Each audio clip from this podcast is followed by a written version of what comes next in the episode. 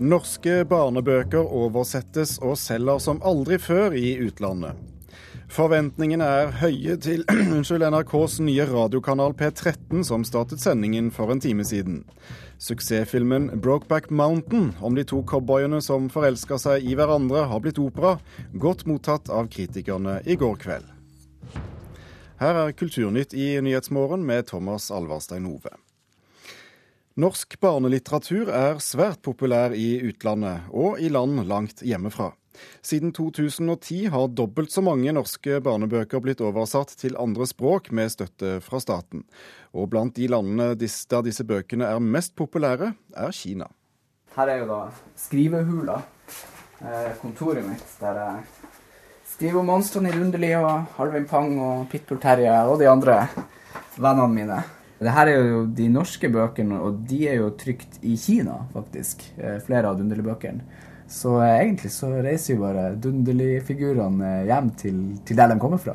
Heime på kontoret på Kvaløysletta viser mannen bak monstrene i Dunderli, Endre Lund Eriksen, både bøker, kosedyr og figurer.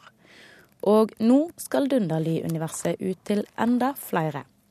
Nylig kom barneboka ut på kinesisk, og med det åpna det seg en helt ny marknad for forfatteren. Men det er um, fantastisk eh, artig at eh, bøkene eh, når ut og, og kan bli lest av unger i et helt annet land, langt fra, fra Tromsø, der, der, jeg har sittet og skrevet dem. Ifølge ferske tall fra Norla, stiftinga som deler ut statlige kroner til omsetninger av norske bøker i utlandet, er Dunderli bare ett av mange norske barnebokunivers kinesiske barn kan fordype seg i framover. For det er til kinesisk, tyrkisk og portugisisk det er størst vekst i tall på søknader. I Kina så er det stor interesse for, eh, for norsk barnelitteratur. Forteller direktør i Norla, Margit Valsø.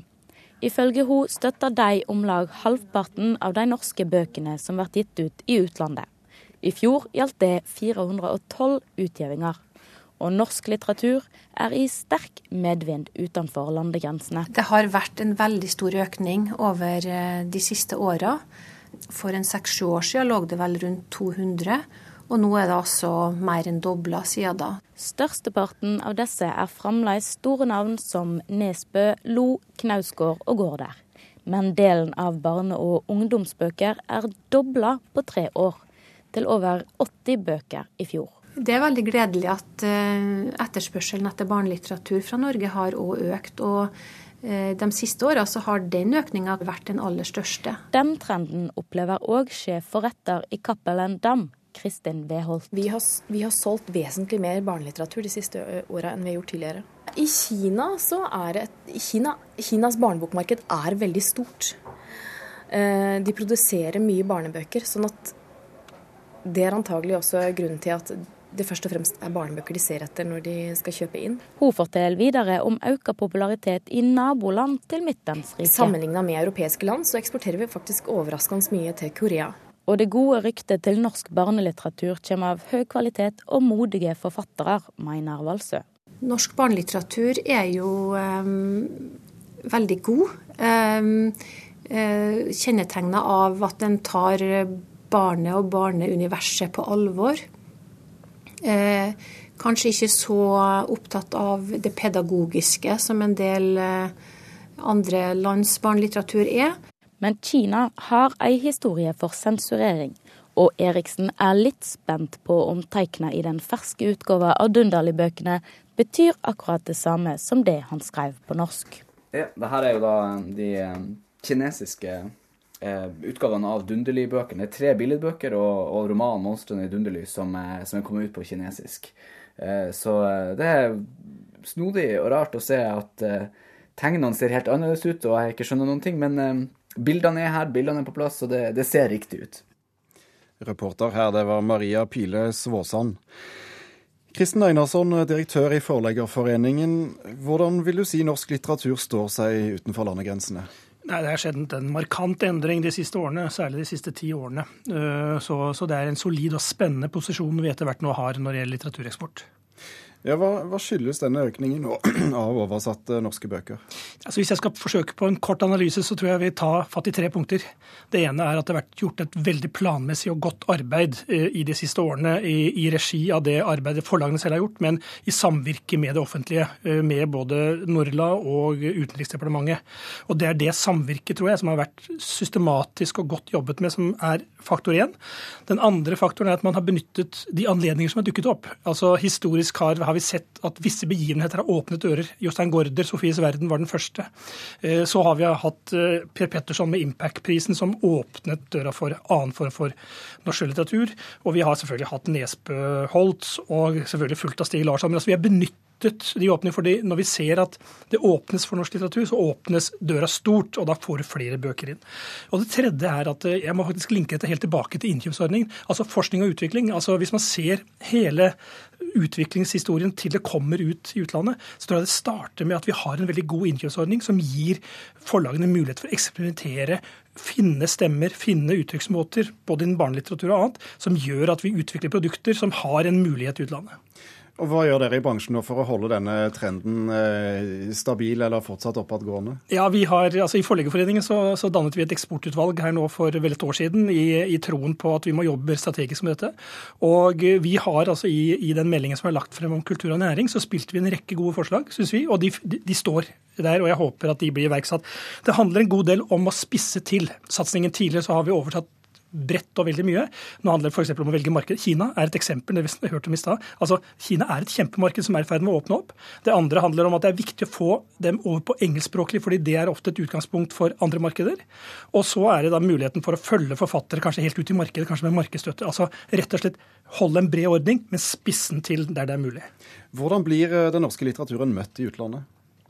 Jo, altså jeg, jeg, jeg, opplever at eh, det er en mye mer åpen eh, holdning og en vilje til å se altså Hvis man er på bokmester eller hvis du besøker forlag som skal kjøpe inn rettigheter, så er det et massivt tilbud.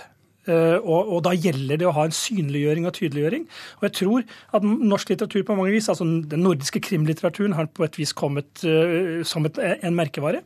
Jeg tror norsk barneboklitteratur har nettopp fått noe av det som ble sagt i denne reportasjen, at, at man har litt spennende annerledes historier. Og det gjelder, og, og på skjønnlitteraturen tror jeg altså Per Petterson altså hvem, hvem skulle trodd at Ut og stjele hester skulle selge over en halv million i utlandet? Tusen takk skal du ha, Kristen Einarsson, direktør i Forleggerforeningen.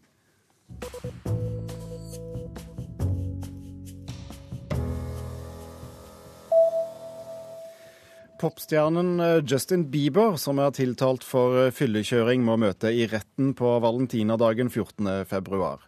Det canadiske tenåringsidolet ble pågrepet i forrige uke for å ha råkjørt i ruset tilstand i Miami.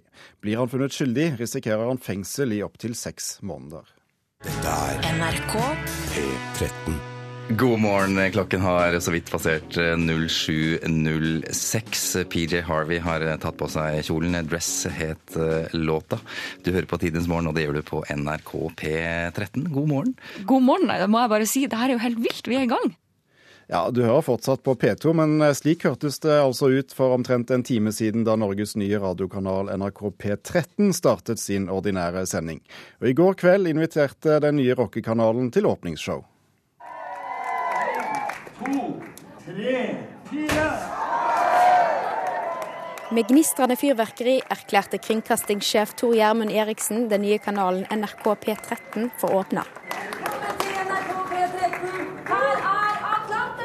Programledere Kari Slottsveen og Thomas Fellberg leder åpningsshowet, der profilene til kanalen ble introdusert for publikum. I tillegg til P13 sine nye programledere var et bredt spekter av kjente folk fra TV og Musikk-Norge til stede. Felles for de alle var høye forventninger om at P13 skal dekke et radiobehov det ikke finner andre steder. Jeg har store forventninger nå. Sier Abu Bakar Hussein, kjent for talkshowet Tabu med Abu fra NRK nett-TV. Eh, jeg forventer eh, litt mer variert musikk, litt bedre kan si, Ikke veldig ungdomslig hitsliste, da. Jeg er veldig grei gammel hiphop og gammel musikk. 90-talls, eh, 80-talls. Så godt som alle Kulturnytt snakka med på åpningsshowet, så seg sjøl i målgruppa for kanalen, og ønsker at kanalen skal spille eldre musikk. Men medan 26 år gamle Hussein sin gamle musikk er hiphop fra 80- og 90-tallet, ønsker den 20 år eldre kringkastingssjefen å gå i en annen retning. Jeg ønsker meg, og det er mye musikk, altså, men det er David Bowie, Pink Floyd, gammel Jahn Teigen. Tenk hva det var da, for 20-30 år siden. Det blir kjempekult. Er reporter på eh, åpningsfesten i går, eh, Kristin Forland. Radiosjef her i NRK, Marius Lillelien. Hvem henvender denne nye kanalen seg til? Denne nye kanalen henvender seg til et musikkinteressert voksent publikum som i dag finner gode programmer både på P1, P2 og P3 når det gjelder musikk, men som ikke har en egen kanal som dekker deres behov. Den har blitt omtalt som, som rockekanal, og tre konkurrenter har nylig også startet hver sin radiokanal med omtrent samme profil. Hva skal vi med enda en slik kanal? Ja, nå kommer jo P13 til å være veldig mye mer enn en rockekanal. Eh, det kommer til å være en musikkanal hvor, eh, hvor, det meste er lov av rytmisk musikk spilt inn de siste 60 år. Sånn at det kommer til å være en rock i aller videste forstand. Så det er jo en av de tingene som skiller denne kanalen fra den andre. At den kommer til å by på det ekstreme mangfoldet når det gjelder, når det gjelder musikk. Eh, og så vil vi jo gå i, i dybden, sånn på, vi har noen av de fremste musikkjournalistene i landet, eh, og gå i, gå i dybden i, på samme måte som NRK gjør det på andre områder. Sånn. Store forskjellen på P13 og og de andre kanalene er at de kommer jo først og fremst, det har de sagt selv, kommer først og fremst til å spille rock-hits, mens vi kommer til å gå i dybden på både kjent og ukjent eh, musikk fra de siste 50 åra. Regjeringen har signalisert at NRK skal være forsiktig med å gå inn i markeder som kommersielle aktører eh, synes er interessante. Hvorfor eh, velger NRK likevel å starte eh, en, en slik kanal nå? Ja, Nå må du huske på at nå er det vel ja, to og et halvt år siden vi starta å jobbe med denne kanalen i NRK, og vi sendte jo søknad om det, som vi skal gjøre, til Medietilsynet for et år siden. Og både Medietilsynet og Konkurransetilsynet behandlet Det var en grundig søknad som de behandlet. De hadde ingen merknader til at vi gikk inn og forstyrret noen eh, kommersielle markeder med denne kanalen. Sånn at eh, dette har vært en kanal som har vært eh, gjennom en grundig mediepolitisk behandling de siste, det siste året, før den nå kom på lufta. sånn at dette er en kanal som representerer noe helt annet enn det de kommersielle gjør. Så må vi i tillegg huske på at selv om eh, nå har vi, kulturministeren nå har kommet med disse signalene, så, så skal det, jo, det skal jo eh, nå gjøres en stor utredning og en stortingsmelding om NRKs virksomhet, så jeg tror det er klokt at vi avventer den før NRK eh, begynner å, å Altså sånn at NRK generelt ikke kanskje bør styre etter siste signaler fra, fra fra enhver tid sittende regjering, men, men har litt mer langsiktig eh, kulturpolitisk syn på hvordan vi driver. P1 pluss kom eh, i høst, nå P13. Hva blir det neste? Nå tror jeg ikke vi har noe Det, kommer ikke noen nye kanaler fra NRK. Vi, ikke noen, har ikke noen nye planer i overskuelig framtid. Jeg tror de kommersielle mediehusene kommer til å komme med flere nye kanaler.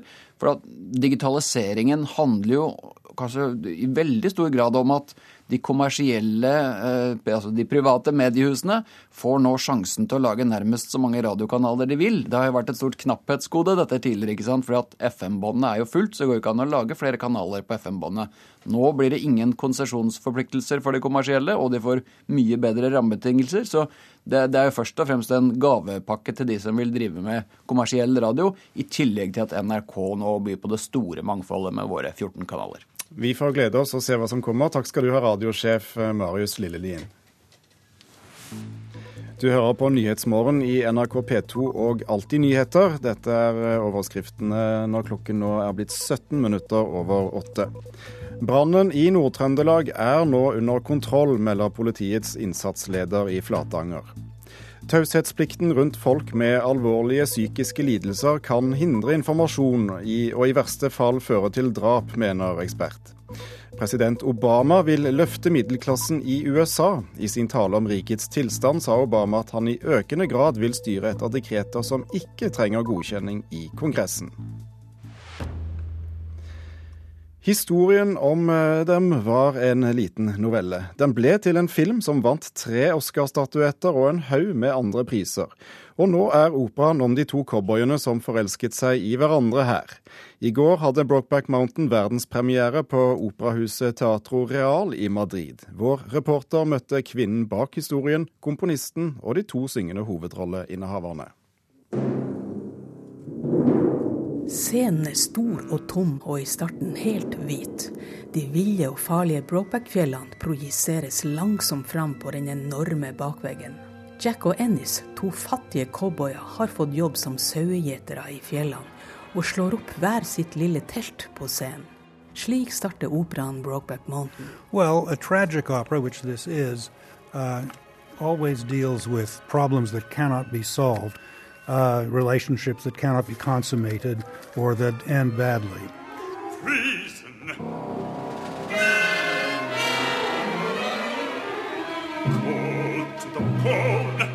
En tragisk opera, som jo dette er, tar for seg uløselige problemer, som kjærlighetsforhold det ikke blir noe av, eller som ender med forferdelse, sier komponist Charles Warrinen. Uh, it seemed to me that the old fashioned operatic problems, conflict of social classes, what have you, are really not very interesting to us anymore. So, De gammeldagse operaene om klasseskiller og sånt, de interesserer ikke folk lenger, tror han. relationship between two men, for example, would be a suitable kind of issue. Hvis man vil ta de evige problemstillingene inn i samtida, er ei kjærlighetshistorie mellom to menn et passende tema.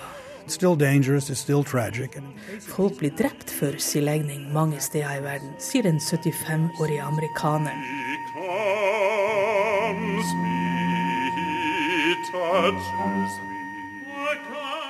Whiskyflaska løsner på spenninga, og vips, et lite telt er nok for to som faller vilt for hverandre. The story on its own was one thing. The story as a film was another thing, quite different. Yeah. And now the opera is different again. Librettoen er skrevet av Annie Proe, forfatteren av novella 'Brokeback Mountain'. Den ble publisert første gang i 1997 i avisa The New Yorker, og havna siden mellom permene i novellesamlinga Wyoming Stories, før den ble til en velkjent film. Og dette er hennes første libretto. Yes, it is. The very first. And how did you attack the work? Mm, gingerly. Annie Proe har rukket å bli 78 år. Hun har kort, grått hår og vennlige øyne bak brilleglassene. Og hun skred forsiktig til verket. It was a new kind of writing with new emphases and new uh, possibilities to think about, so it was quite engaging. Did you enjoy it? Very much. Can I talk to Jack? I need to talk to Jack. Uh, in my case, I actively fought to get this role. Yeah, in which way? In the way that I knew that the piece existed. And Bassbariton Daniel Okulic slåss for å få rollen som Ennis. Først da stykket egentlig skulle settes opp i New York, siden da han hørte det skulle skje her i Madrid. Han hengte seg på og kom seg til slutt på audition. if you annoy someone enough, there's there's a chance that you might get what you want. Av og til så må man slite ut folk for å få det som man vil, ler Daniel. Mens tenoren Tom Randall fikk spørsmål direkte fra daværende teatersjef Gerard Mortier om å spille Jack. If I don't do it, some other idiot will. You know, so it might as well be me.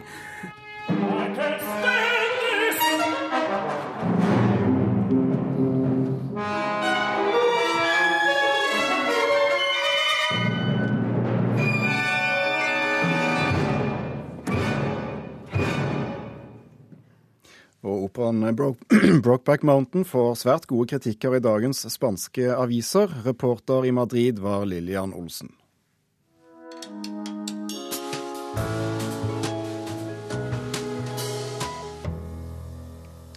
Hvem er germanere? Hvem var de?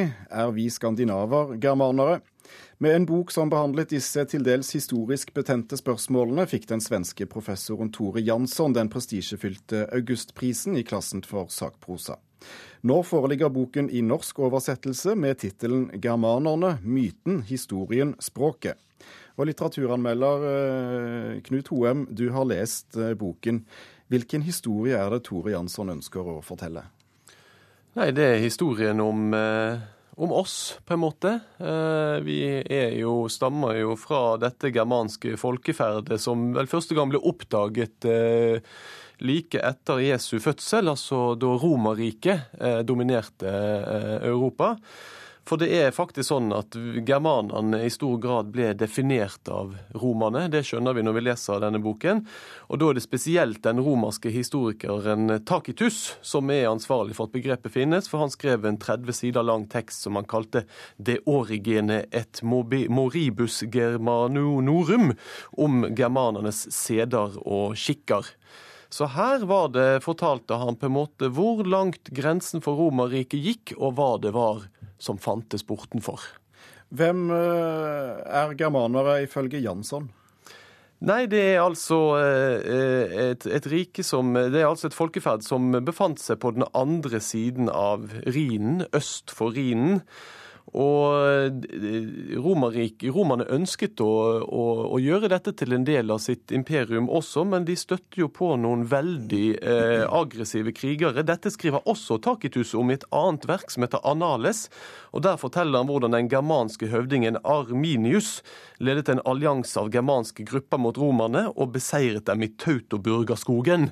Og dette slaget her, det ble det snakket om av Luther og brødrene Grim og Wagner, og også Hitler. Det er liksom, kan du si, grunnmyten i, eh, i den germanske fortellingen.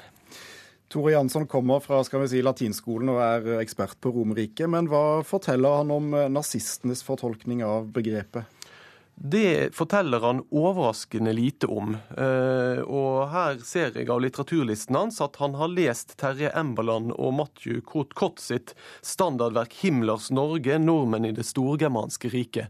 For de skriver jo masse om hvordan Himmler da spesielt tolket inn germanerne og nordmenn, nordmenn i en familie, og, og konstaterte at vi var av det samme blod.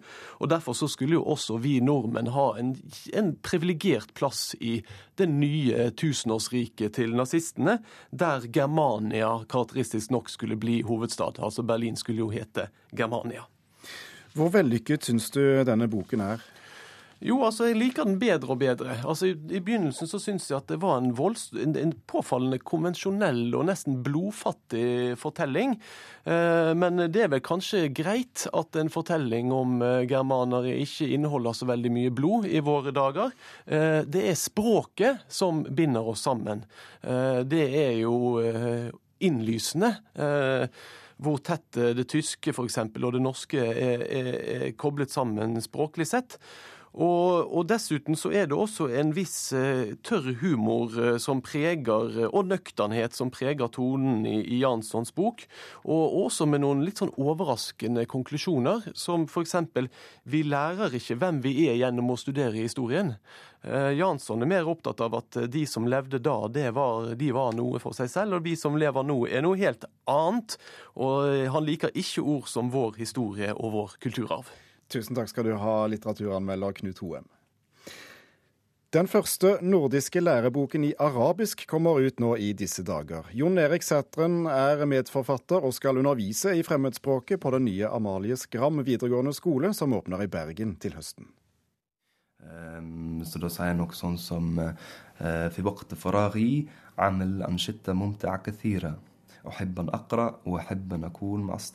Visste du at arabisk er offisielt språk i over 20 land, og 300 millioner har det som morsmål?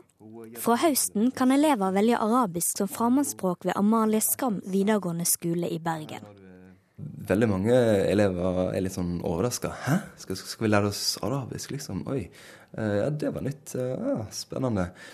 I store og hele så er jeg veldig sånn, syns det er veldig artig med at en skal skrive fra høyre til venstre, at bokstavene henger sammen. og at jeg på en måte forteller at arabisk det, ikke, det går faktisk an å lære seg.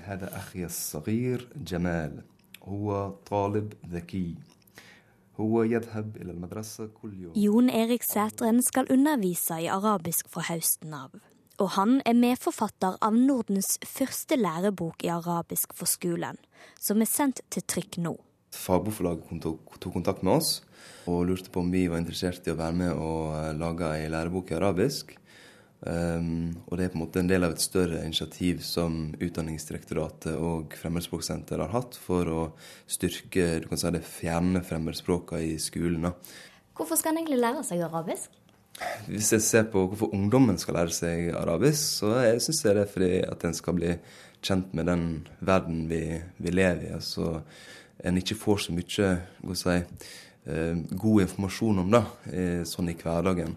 I dag underviser Sætren i arabisk ved Universitetet i Bergen. Og Joakim Farestveit er en av studentene hans. Inshallah, du blir fornøyd leksene Det er ganske spennende. Altså. Det er jo ikke bare lære språk, du får et ganske god innsikt i kultur. og du, du får litt inn med melka holdt på å si, at det er en ganske brei kultur der ute som vi ikke har peiling på. Og det er jo det, det, er vanskelig å få tak i liksom, det, det, er ikke en stor eksport av den kulturen, men det du oppdager, det er kjempespennende. Altså. Tror du at uh, en del foreldre vet, setter spørsmålstegn ved hvorfor uh, ungene deres skal lære seg arabisk? Ja, det, det, tror jeg. Det er ikke så rart, egentlig, hvis en ser på si, den informasjonen som en uh, får fra den arabiske verden. Men jeg tror det er liksom desto viktigere da, å prøve å, å se litt forbi det der. Og jeg mener at det, det er kanskje det som gjør det ekstra viktig at arabisk blir et et fag i skolen at en, en, en sprer rett og slett kunnskap da, om den arabiske verden. Og Sånn sett så er jo språk veldig fint, for at uh, språk er et slags verktøy til å, å forstå, og en kan sjøl gjøre seg opp sin egen mening om ulike politiske eller religiøse spørsmål, f.eks. أحب أن أقرأ وأحب أن أكون مع أصدقائي أحب أيضا أن نشاهد التلفزيون ونتكلم مع أمي Reporter her var Tale Hauso. Og med det runder Kulturnytt eh, av denne sendingen. Du har bl.a. hørt at eh, det oversettes dobbelt så mange norske barnebøker nå som for eh, tre år siden. Og det er særlig kineserne som er interessert i norsk barnelitteratur. Produsent for sendingen var Vidar Sem. Hanne Lunås hadde det tekniske ansvaret, og her i studio Thomas Alvarstein Ove.